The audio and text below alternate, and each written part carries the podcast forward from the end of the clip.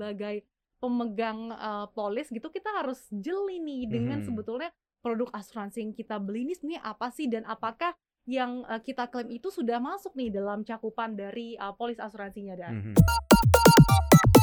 Anda jangan mau dengerin omongan agen, jangan ngikut omongan apa agen bank di bank asuransi gitu ya, di bank-bank asing nawarin asuransi eh, atau mungkin bujuk rayu teman Anda. Semuanya kembali ke polis. Banyak yang berpikir asuransi jiwa yang murni ini eh, karena dia udah beli unit link gitu ya. Jadinya dia ngerasa ini adalah produk investasi gitu. Padahal kan Hmm. enggak ya Mas Argun ya. Ya, Bun. Yang namanya asuransi itu ya tujuannya untuk proteksi, Proteksi. bukan investasi. Koneksi Konten Ekonomi Seksi Halo Sobat Cuan, ketemu lagi kita nih di Cuap-Cuap Cuan dalam segmen Koneksi, konten ekonomi yang seksi gitu ya. Karena kita bertiga hari ini ya, biasanya cowok-cowok, kita ada ditemani oleh seorang wanita cantik juga hari ini ya, Mas Argun ya. Bareng gue Daniel Wiguna dan juga Saya Argun. Dari tim riset CNBC Indonesia dan ada Sasa. Nah, Sasa ini nanti akan banyak menceritakan eh, konten-konten yang seksi-seksinya ya. Jadi bagian yang seksi kita kasih ke Sasa ya. Mas Baik, Argun baik. justru. Oke. Nah, di koneksi kita hari ini ya konten seksi yang sudah juga ditulis di cnbcindonesia.com adalah terkait Wanda Hamidah curhat di medsos. Begini kata agen asuransi. Jadi ini emang kita akan lebih banyak ngomong terkait dengan permasalahan curhat di sosmed gitu ya Hmm. terkait dengan asuransi yang sepertinya ini dikatakan eh, bisa menggoyang periuk nasi para agen asuransi. Uh. Seperti apa nih Sasa ceritanya? Iya, kalau misalkan kita lihat ya ini kan baru-baru ini sebenarnya nggak baru-baru ini juga ya kita digemparkan kembali oleh seorang public figure yang merasa ditipu nih dengan uh, suatu brand asuransi gitu ya. Nah, tapi menariknya gitu ya kalau kita tidak lihat dari satu sisi saja karena memang uh, cukup banyak sebetulnya permasalahan seperti ini. Jadi ketidaksesuaian antara mungkin apa yang kita sebagai pemegang polis kira Mhm. dengan apa yang sudah tertulis di polis gitu ya. Jadi memang Hmm. sebagai pemegang uh, polis gitu kita harus jeli nih dengan Mhm. sebetulnya produk asuransi yang kita beli ini sebenarnya apa sih dan apakah yang uh, kita klaim itu sudah masuk nih dalam cakupan dari uh, polis asuransinya dan Mhm. Nah, yang Mhm. perlu sobat cuan ketahui juga ya, Mas Argun juga pasti udah tahu juga nih si Wanda Hamidah ini masalahnya adalah seorang public figure. Yap. Followersnya banyak gitu ya dan juga dia politisi dari partai PAN ya. mantan politisi Mantan politisi dari partai PAN. Nah, artinya apa? Otomatis kalau dia ngupload di sosmed yang baca banyak, Ya. Yang sakit hati apalagi gitu ya. Makanya jadi gempar gitu. Nah, kalau Mas Argun sendiri ngelihatnya ini gimana sih? Apakah perlu kita lihat dari sisi yang mana benar, mana salah atau gimana ini sebenarnya? Ya, saya pikir ini perbedaan persepsi. Jadi Mhm. benar salah ini kan ya relatif, tapi kita bisa menentukan kebenaran dan kesalahan dalam kasus ini. Mm-mm. Acuannya pada apa? Satu doang, polis. Hmm. Dan ini yang harus dipegang oleh semua masyarakat Indonesia nih kalau Iya. mau berasuransi. Anda jangan mau dengerin omongan agen, jangan ngikut omongan apa agen bank di bank asuransi gitu ya, di bank-bank asing nawarin asuransi eh, atau mungkin bujuk rayu teman Anda. Semuanya kembali ke polis. Jadi Mhm. eh, pastikan ketika Anda beli asuransi, Anda tahu polisnya itu bagaimana ngaturnya, klaim-klaim yang bisa di di cover itu apa saja dan Mhm. berapa nilainya, berapa persentasenya, itu harus diperhatikan gitu. Khawatirnya kalau Anda nggak perhatikan itu dan hanya ngikuti omongan agen, agen ini kan kadang juga mereka mungkin dikejar Ya, target. deadline, target, ya kan, dan Mhm. akhirnya biar bisa closing gitu. Mhm. Kadang ya mereka eh, offside gitu. Jadi Mhm. tidak menjelaskan secara detail misalnya kalau saya kena ini ditanggung nggak oh ya pasti ditanggung berapa persen 100 persen padahal masih Mhm. ada kesyarat dan ketentuan berlaku nah itu yang seringnya mungkin eh, miss di Mhm. Di praktik penjual beli asuransi ini Nah, ini benar banget nih yang Mas Argun bilang ya karena kita kan juga udah sering ya merilis berita di cnbcindonesia.com juga gitu ya. Ya. Mas Argun di CNBC Indonesia TV juga ya, Ya. Sa. beberapa berita juga ini dibawakan oleh Sasa loh terkait dengan asuransi. Iya, ngomong-ngomong soal tadi yang Mas Argun bilang, ini juga cukup menarik ya terlepas dari Mhm. kasus ini. Sebetulnya masalah eh, di industri asuransi yang muncul ini karena satu dari segi pemegang polis tidak mau mendengarkan dengan betul Mhm. apa sih yang disampaikan oleh agen gitu. Jadi misalkan ketika kita telepon nih, kok oh iya iya iya doang, terus kita setuju. Kan itu kan direkam kan kalau nggak salah Mhm. lewat telepon. Kemudian di satu sisi lagi dari segi uh, agennya mungkin masih banyak juga yang belum memiliki sertifikasi ataupun tidak Mhm. mampu menjelaskan secara komprehensif gitu. Jadi seperti tadi katanya Mas Hmm. Argun, mungkin kalau ditanya ini uh, ditanggung nggak? Oh iya iya, padahal sebenarnya mungkin itu terms and conditionnya beda lagi gitu. Jadi mungkin harus jeli sih emang kalau melihat Mhm. polis yang kita ditawarkan itu ya. Ya. Mhm. Nah, jadi memang seperti yang Mas Argun bilang ini benar banget ya.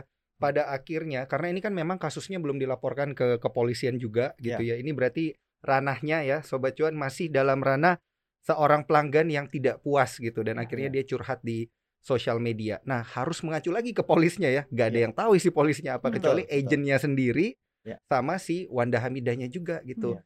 Nah, sehingga agak susah ya Mas Argun kalau kita mau eh, membuktikan yang salah yang mana sih? Apakah si Wandanya memang yang enggak membaca begitu ya secara eh, menyeluruh terkait polisnya atau memang si agennya ini yang terlalu kasih iming-iming gitu kan? Ya. Ya namanya dikasih iming-iming siapa yang nggak suka gitu ya.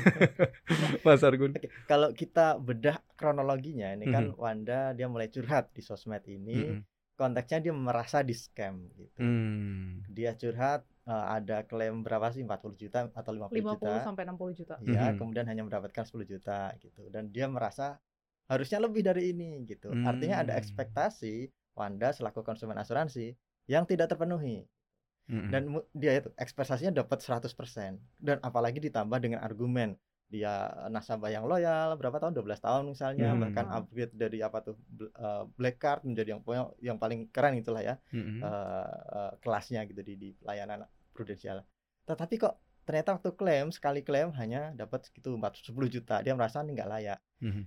Ini juga harus diperhatikan oleh para ya masyarakat Indonesia bahwa ketika anda beli asuransi itu nggak peduli anda saudaranya direktur utama itu atau bahkan eh, nasabahnya sudah puluhan tahun tetap ketika anda mengajukan klaim disetujui atau tidak itu ngajunya ke polis. Mhm. Nah, saya menduga, ini saya dugaan saya, Mhm. bahwa Wanda itu dia mengajukan klaim ke prudensial dan klaim itu ternyata sebenarnya tidak mendapatkan pertanggungan 100%. Hmm. Kalau di black card itu kalau tidak salah tuh ada tuh beberapa klaim yang ya prorate dilihat berdasarkan persentasenya, tidak dikasih 100%. Nah, mungkin kategori yang diajukan ini eh, bedah ini ya kakinya ya anaknya. Itu Mhm. mungkin tidak termasuk di yang di cover itu. di luar gitu dari cakupan eh, manfaat polisnya berarti ya? manfaat polis yang ditanggung Hmm. 100%. Karena ini terbukti ya misalnya kalau misalnya Wanda merasa dicurangi, beneran dicurangi dan memang polis menyatakan harusnya itu di cover 100%, ada bukti kuat gitu. Dia bisa langsung ke polisi, nggak perlu lewat BMAI, Badan Media Asuransi, penipuan misalnya Hmm. apa, dia bisa mengklaim itu. Tapi sejauh ini kan belum. Mhm. Eh, Wanda hanya curhat, dia merasa di scam. Mhm. Artinya ekspektasi dia tidak terpenuhi di asuransi. Iya. Nah, Kenapa ada ekspektasi yang tidak terpenuhi? Nah, sekarang PR-nya ada di asuransi gitu. Apakah prudensial dalam hal ini itu sudah memastikan agen-agennya tadi itu seperti Mhm. disebutkan Sasa itu memiliki capability untuk menjelaskan secara detail apa yang bisa didapatkan oleh para konsumennya nanti, para nasabahnya. Mhm. Jangan hanya di awalnya aja semuanya ditanggung, semuanya beres ibaratnya gitu. Tapi ketika pada kenyataannya ternyata di polisnya nggak seperti itu. Mhm. Nah, praktik-praktik ini saya khawatirnya masih banyak dan ini kalau memang terus berlanjut ya backlashnya ke asuransi. Jadi Mhm. nanti yang yang dalam hal ini meskipun prudensial nggak salah, Prudens- eh, sejauh ini ya dalam pernyataan resminya prudensial kan bilang apa yang kami lakukan sudah sesuai dengan perjanjian di polis Mhm. dan itu menunjukkan bahwa prudensial merasa ya tidak ada yang salah di sini gitu. Mhm. Mungkin dia mengakui bahwa Anda tidak puas tetapi duduk perkaranya bukan di eh, polisnya itu gitu, bukan polisnya yang dilanggar atau bagaimana, tapi Wandanya yang mungkin tidak merasa ekspektasinya dipenuhi. Mhm. Nah, Hmm. problem ekspektasi ini yang kemudian jadi PR-nya dari sisi mana? Asuransi, prudensial dan kawan-kawan.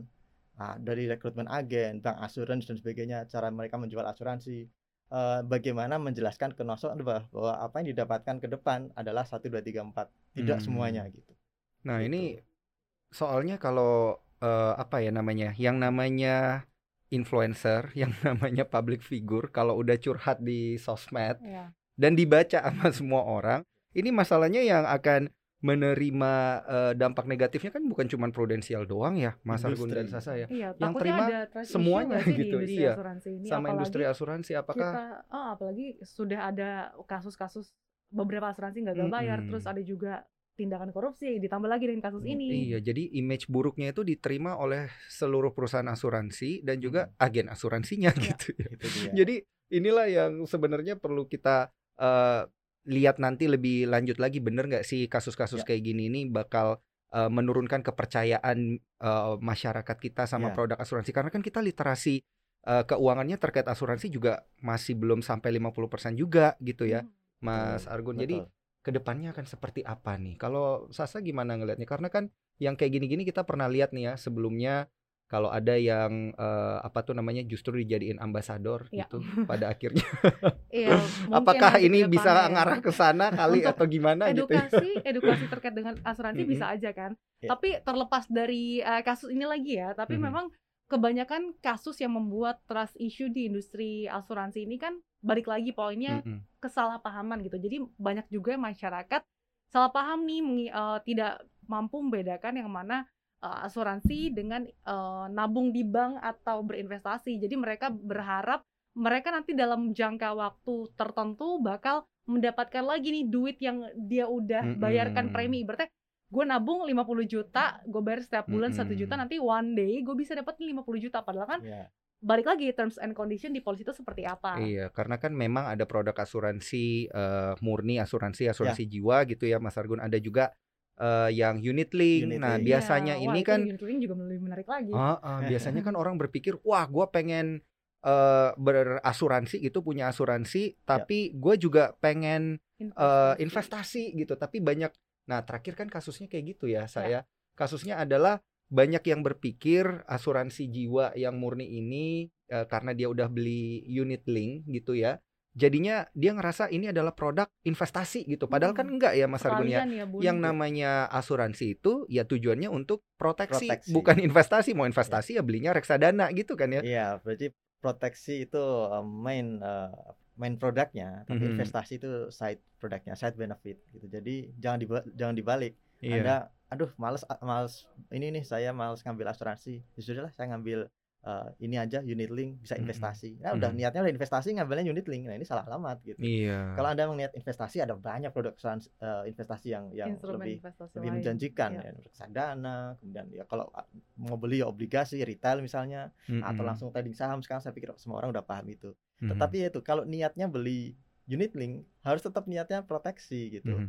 ada benefit investasi itu pun subject to pergerakan pasar Iya. jadi Iya. sekarang kan memang pada tahun eh, tahun ini dan tahun lalu itu kan sempat rame gitu ya banyak masyarakat yang ngeluh waduh kok tiba-tiba nilai duit yang kelihatan di ambrol Iya, ambrol ada yang minus misalnya di unit link mereka. Ya Mm-mm. bagaimana saham juga lagi anjlok misalnya. Dan ya kita harus melihat bahwa subjek itu kinerja ini pengelolaan keuangan masing-masing perusahaan asuransi. Hmm. Kalau investasinya bagus, Mhm. ya mungkin koreksinya tidak terlalu besar. Tapi kalau emang kebetulan kena saham-saham yang lagi anjlok, ya mau tidak mau pasti anjlok.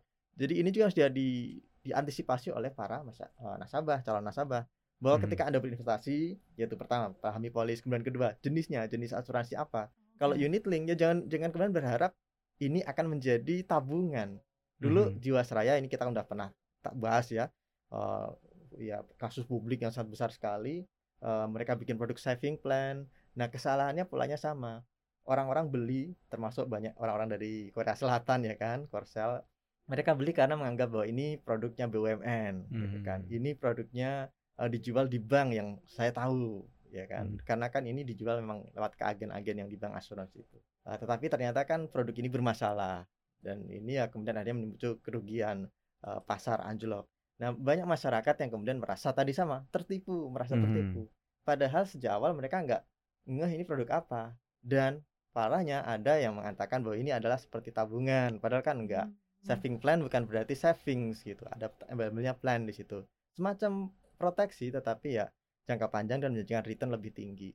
Nah hal-hal kayak gini ini harus di, di mengerti oleh nasabah di di Indonesia. Kalau emang anda ingin beli asuransi ya eh, pastikan itu sesuai kebutuhan dan itu Mhm. anggap uang hilang. Mhm. ini harus dicatat anggap ini uang hilang. Karena anda hanya mendapatkannya mohon maaf ketika anda kena musibah Gitu. Mhm. ya saya ng- ngambil asuransi kesehatan misalnya saya dapat manfaatnya kapan ya ketika saya sakit emang saya mau sakit saya nggak mau sakit gitu Mhm. tetapi seandainya suatu saat saya sakit ya alhamdulillah misalnya ada yang bisa membantu dari sisi risiko keuangannya keuangan saya nggak jebol karena karena perawatan. Tapi ya Nah, itu bener ketika itu. Anda bayar preminya setiap bulan, Hmm, itu anggap uang hilang. Hmm.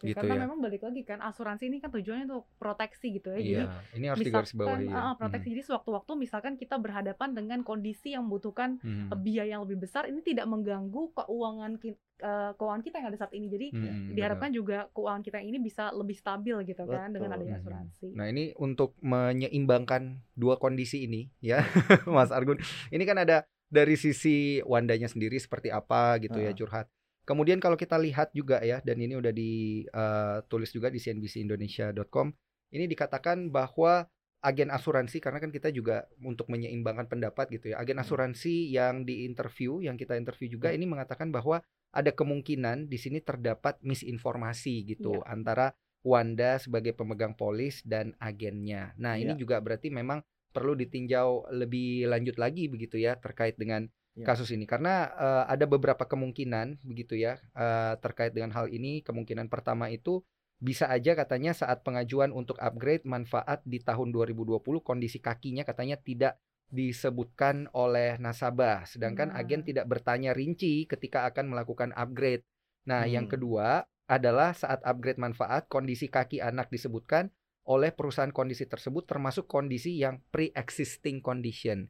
Jadi dikatakan memang eh, khusus untuk segala pengobatan terkait kaki dikenakan substandar atau pengecualian karena memang dia kondisinya Hmm. pre-existing. Ya memang sih harus ditinjau lebih lanjut lagi. Tapi seru nggak sih ya Sa dan Hmm. Mas Argun ini Iya. ngelihat kelanjutannya nanti akan seperti apa gitu Mas Argun kalau kondisinya udah kayak gini. Sa- satu hal yang saya syukuri dari kasus ini adalah Mhm. prudensial tidak gabah mengambil langkah-langkah hukum. Gitu. Mm-mm.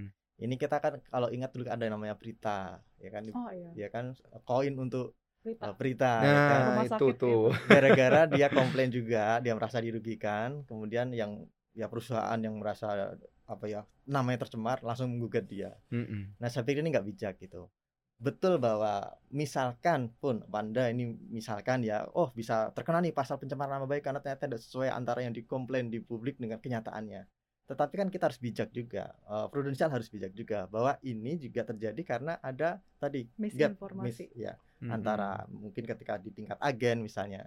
Nah, ini sebenarnya PR kita semua bersama. Bagus, bagusnya prudensial itu tidak menggugat. Itu bagus dan mereka saya pikir perlu diapresiasi dalam hal mereka bersikukuh bahwa kalau emang sesuai polis tidak masuk di klaim ya kami tidak bisa memberikan klaim gitu. Ya. Gitu. Jadi Mm-mm. memang ini menjadi semacam edukasi juga buat publik secara luas.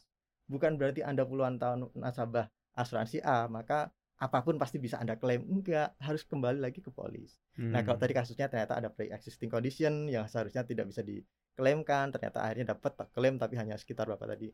Eh, 20% misalnya ya. Mhm. Saya pikir ya itu berarti memang that's the way it is gitu. Sesuai dengan ketentuan Mhm. polis seperti itu. Wanda kecewa, ya kita bisa memahami. Dia udah ngeluarin duit 500 ribu atau 750 ribu per bulan per orang ya buat anak-anaknya. Tetapi ketika butuh kok nggak tercover. Tapi mohon maaf, dia lupa pada pola pikir pertama ketika berasuransi yang saya sebutkan tadi Mhm. ketika anda membayar itu anda anggap uang hilang gitu jadi jangan berharap eh, itu bisa anda dapatkan langsung ketika ketika kayak nabung gitu ketika Mhm. saya lagi butuh nabung buat kawinan misalnya ketika anak kawin bisa kan diambil dipakai Iya. nah ketika anda sakit pun belum tentu bisa anda pakai ini asuransi kalau Mhm. ternyata tidak di cover di polis Hmm. ya misalnya saya punya eh, gigi Terms misalnya conditionnya itu lagi ya. Iya, misalnya gigi saya ingin, aduh gigi saya kok kurang eh, rapi, saya rapiin. Saya merasa saya punya asuransi, saya majuin ke klaim, ya nggak di- di- ditanggung bisa. karena ini kan e- Estetika, estetika gitu. Mm-mm. Dan mungkin ki- saya nggak paham loh kok gitu. Kemudian saya komplain saya ya, ya mohon maaf, saya salah alamat gitu. Mm. Saya yang salah dalam hal ini. Saya tidak mempelajari polis tersebut. Jadi Mm-mm. memang kasus Wanda dan Prudential ini harusnya happy ending lah. Ya Mm-mm. siapa tahu eh, tidak ada gugat-gugatan, tapi mungkin ya eh, mungkin Prudential membantu mem- memanfaatkan momentum ini Mm-mm. untuk edukasi publik secara Ya. luas. Mhm. Jadi konsisten pada polis, tapi juga kasih tahu mendiseminasi informasi ke publik. Kalau anda, anda beli asuransi harusnya seperti apa agar ekspektasi yang tidak terpenuhi dalam kasus Mm-mm. Wanda Hamidah ini tidak dihadapi oleh eh, para nasabah-nasabah selanjutnya. Betul tadi itu, mungkin layak dijadikan eh, duta asuransi. Iya, maksudnya kita kan Bisa juga jadi brand ambasadornya momentum kan ya. Ambasador. dengan followersnya jumlah yang banyak Mm-mm. kenapa enggak apalagi tadi kita literasi asuransi juga masih kurang banget gitu maksudnya mau sampai kapan sih industri asuransi kita kayak gini terus kalau Iya. masih ada ketidak uh, sinkronan antara uh, pemahaman antara agen dan juga kita sebagai masyarakat nih jangan main salah-salahan terus maksudnya Hmm. mau sampai kapan gitu kan. Betul. Tapi Sasa kalau dari lu sendiri gimana nih? Apakah dengan mendengarkan berita ini lu jadi takut nih beli produk asuransi, takut ditipu juga atau takut nanti nggak bisa klaim atau apa? Gimana menurut jujur li, gue jadi takut sih. Maksudnya karena eh sering banget kan kita ditawarin asuransi Heeh. gitu. Nah, itu lagi karena kita sebagai masyarakat, Mm-mm. gue mewakili masyarakat gitu ya kayak kadang-kadang ke- ketika udah jelasin, oh iya iya oke oke. Heeh. Jadi kayak kita tuh eh, mendengarkannya itu di permukaannya aja nih, tapi kita nggak nggak memberikan meluangkan waktu kita lebih untuk menanyakan secara detail atau juga eh, secara rinci gitu ya. Misalkan kayak rumah sakit mana aja sih yang bisa eh, dimanfaatkan? Atau misalkan eh, jangka waktu kapan nih baru gue bisa memanfaatkan eh, asuransi ini? Jangan sampai gue udah bayar ternyata oh nanti eh, bisa dipakai lima tahun kemudian. Atau misalkan ternyata yang gue pilih Mhm. itu tidak masuk di dalam manfaat polis itu. Hmm, nah jadi makanya Iya lebih jadi takut kayak ya bingung ya? juga sih sebetulnya Heeh. apakah eh tapi satu sisi tadi penting juga nih asuransi tapi ya itu tadi jadi takut kan karena kayak Ya. jangan sampai maksudnya kita memberikan edukasi juga kayak ayo harus lihat lagi nih secara Mm-mm. jeli manfaatnya seperti apa tapi ternyata kita eh, malah jadi kecelek gitu di Mm-mm. manfaat polisnya Kalau gue kebalik, malah gue jujur li, gue jadi pengen tahu lebih banyak gitu ya. Heeh. Coba beli. Gitu. Ada dua cara kan ya Iya, Mas iya, Argun iya. ya untuk Iya. mengetahui ya. Ya Nah, udah lu buktiin sendiri nah, tapi gitu. Bener nggak lo bisa baru diklaim? bisa tahu ketika lo menggunakan manfaat itu ketika lo klaim kalau misalkan Iya. kita beli doang sekarang terus nggak lo pakai ya kan kita nggak tahu kan sama kasusnya kayak si Mbak Wan. Wanda ini Mm-mm. ketika dia selama ini membayar premi dia kan nggak tahu cuy baru-baru tahu Ya. ketika dia anaknya klaim gitu gitu ya. Ya. Tapi ya kalau Ya, mau coba-coba kalau lo coba, amit, ih, amit, amit ya. Jangan Iya. sampai tapi ya kalau tujuannya buat coba-coba mending jangan belinya insurance ya Mas.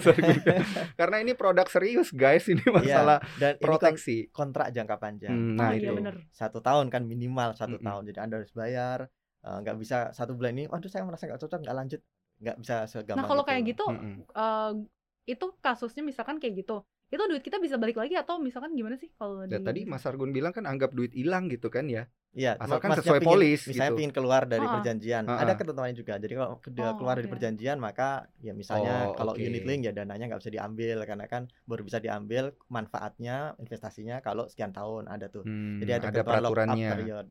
Heeh. Ya, jadi kalau anda pas ngambil asuransi ternyata kok eh, misalnya, waduh, saya saya ingin asuransi yang lain, produk yang lain, ya ada baiknya anda konsultasi pada mereka yang mengerti. Mhm. Konsultasinya ke mana? Nah, di sinilah perlunya ada eh, apa namanya? Di, di diangkat kembali Mm-mm. apa yang namanya broker asuransi. Hmm. Kalau kita yang tahu kan sebenarnya agen, agen asuransi. Mhm. Agen itu mewakili perusahaan. Iya. Dia ngejualin produknya milik perusahaan. Nah, kalau broker ini sebaliknya, broker asuransi ini dia mewakili konsumen. Mhm. Makanya biasanya yang pakai jasa broker asuransi ini ya perusahaan-perusahaan gede. Misalnya ada perusahaan dia ingin ngasuransiin gedungnya, ya Mhm. dia hire broker cariin dong yang rate-nya paling bagus, manfaatnya 1 2 3. Nah, broker ini dia mewakili eh, na- nasabah atau konsumen, ya dia akan mencari celah yang apa kira-kira akan menyulitkan apa saja di polis.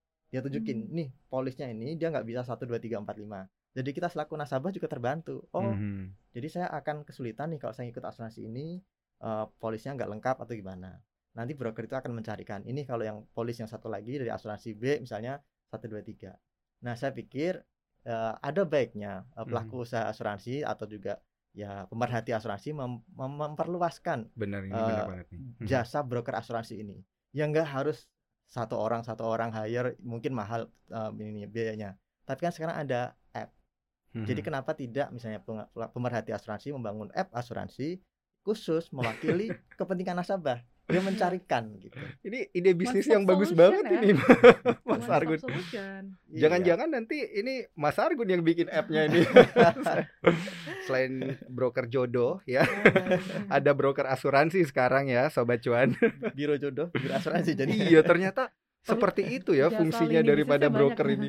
Heeh, untuk Iya. mewakili kebutuhan daripada para konsumen gitu ya. Tapi di Indonesia kan kita belum ada ya yang kayak gitu-gitu Mas Argun. Atau emang udah ada gitu ya diwakili oleh financial planner cuman belum kedengeran. Eh, sebenarnya banyak eh, jasa-jasa Hmm. perusahaan nih bro- broker asuransi Mm-mm. itu uh, dulu ketika saya masih liputan gitu di Wow, lapangan tahun berapa itu? Nun jauh, di sana Iya, Kita masuk baru lahir deh. belum lahir kali ya masih muda. ya saya mendapatkan sumber-sumber informasi pemberitaan tentang asuransi Mhm. kebanyakan bukan dari agen atau apalagi direksi perusahaan asuransi justru dari Hmm. broker-broker dia tahu ini lagi ada masalah nih perusahaan ini udah jangan ngambil itu aja Eh, Mm-mm. jangan kalau mau asuransi atau kalau mau cover ya itu aja cover aja masalahnya ibaratnya gitu Mm-mm. broker-broker ini yang sering memberikan tips buat saya selaku wartawan saat itu Hmm. artinya eh, ketika saya aja bisa mendapatkan tips mengenai mana yang baik mana yang buruk di sebuah industri asuransi dari broker ini apalagi nasabah Hmm. nasabah akan sangat diuntungkan gitu. sekarang ada eh, banyak perusahaan broker asuransi tetapi seperti saya bilang tadi kebanyakan mereka eh, kliennya adalah perusahaan setingkat ya, Korporat gitu ya. korporat gitu Hmm. jadi Bisnis memang to bisnis bukan B2C jatuhnya. Mm-mm. Iya, jadi memang ada perusahaan gede ini kan nilai penjaminannya ya juga gede, pertanggungannya gede, maka nilai uh, preminya juga besar, makanya dia ingin cari yang paling bagus. Nah, broker ini akan membantu menunjukkan mana yang bagus, mana yang kira-kira bermasalah dan nanti dia dapat fee dari situ. Dan fee-nya Hmm. juga ya sekian persen gitu dari nilai preminya gitu. Itu udah disepakati sejak awal. Tetapi pro- praktik ini sejak awal dulu ketika saya liputan tadi itu memang tidak awam untuk uh, nasabah-nasabah retail Hmm. dia hanya Mhm. melayani nasabah eh, institusi korporat. Nah, saya Hmm. pikir dengan kondisi seperti sekarang eh, harusnya concern kenapa mereka dulu nggak garap retail, sekarang harusnya udah nggak ada. Kalau dulu kan kalau saya garap retail kecil-kecil mas preminya cuma sekian ibaratnya Iya. gitu. Mm-mm. Dan nyarinya ada repot harus ribuan orang baru saya balik modal ibaratnya gitu. Mhm. Effortnya terlalu besar. Tapi sekarang kan eh, problem itu bisa diatasi dengan ya teknologi, Mm-mm. app misalnya. Itu kan ya kayak Halodoc kan bisa meng- meng- me- apa namanya memutus Iya. rantai eh, sulitnya dan mahalnya kita kalau mau konsultasi ke dokter Hmm, ibaratnya gitu. Nah, sekarang harusnya konsultasi asuransi harusnya juga dikembangkan. Saya pikir OJK ataupun pemerhati asuransi mulai dari sekarang harus membangun eh, Tapi kalau di Hmm, luar negeri apakah udah ada itu belum sih ya? mas kayak Iya. aplikasi asuransi gitu atau gimana? Kalau di luar negeri malah banyak sih financial planner secara umum. Jadi Hmm. memang dia memberikan eh, dan ini biasanya nasabah kaya. Ya amin kita masuk di sana insya Amin. Allah. Amin. Yaitu mereka tidak hanya melayani soal bagaimana ngelola investasinya, tapi bagaimana kalau anda mau eh, masuk asuransi, asuransi yang mana yang bagus, biasanya ada ekstra eh, apa namanya, eh, service di situ. Akan Mhm. dikasih tahu mana beberapa perusahaan yang meskipun brandnya kurang terkenal ibaratnya, tetapi eh, konsisten membayarkan klaim misalnya, tidak pernah ada kasus misalnya. Nah, hal-hal seperti itu yang mungkin juga perlu dijalankan di Indonesia juga. Oke, ini menarik banget ya. Tapi gue tetap masih anggap yang paling menarik terkait dengan eh, broker asuransi. Iya. Karena gue ngerasa itu mirip-mirip sama fungsi biro jodoh gitu. Ya Menjadikan tuh yang terbaik. Oke, eh, mendapatkan yang terbaik. Nah, ini kita punya waktu sisa kurang lebih tiga menit lagi, Mas Argun, untuk tips-tips terkait dengan membeli asuransi gitu. Apa sebenarnya yang bisa Ya. kita pelajari gitu ya dari kasusnya si Wanda ini? Gue mulai dari gue dulu ya. Yang pertama, Ya. gue itu tipsnya adalah eh, ngobrol lah sama agen asuransi yang benar dan sudah tersertifikasi gitu ya. Dan tanya, tanya, tanya, baca polisnya dengan teliti gitu ya sebelum Ya. membeli karena ini kontrak jangka panjang seperti yang tadi Mas Argun udah utarakan gitu ya. Ya. Nah, yang kedua Sasa karena pasti tips yang ketiga yang paling Oh, susah ah, dari Mas. Argun. Yang justru yang terakhir biasanya. Iya, yang Ya kedua sebenarnya ini kurang gimana? lebih sama sih kayak Daniel Mhm. tadi kita sebagai masyarakat coba deh luangin waktu lebih banyak lagi Mm-mm. untuk uh, betul-betul membaca dan juga memahami polis yang kita Mhm. miliki gitu jangan sampai tadi adanya misinformasi atau ketidak uh, kesalahpahaman nih antara Mm-mm. agen dengan juga uh, kita sebagai pemegang polis gitu jadi kita sama-sama enak gitu kita sama-sama diuntungkan toh juga niatnya sama-sama baik kan kita pengen memiliki proteksi mereka juga uh, bisa mendapatkan uh, pundi-pundi gitu ya dari Mm-mm. dengan kita menjadi nasabah mereka. Oke. Nah, yang paling susah tipsnya ini dari Mas Argun. Eh, sebenarnya nggak susah sih. Sebenarnya kalau Mm-mm. Anda mau berasuransi ya tanyakan diri Anda dulu. Apakah eh, Anda memiliki daya beli ke sana? Hmm. Artinya spare pendapatan Anda cukup untuk itu dan apakah Anda memang butuh? Nah, ini penting.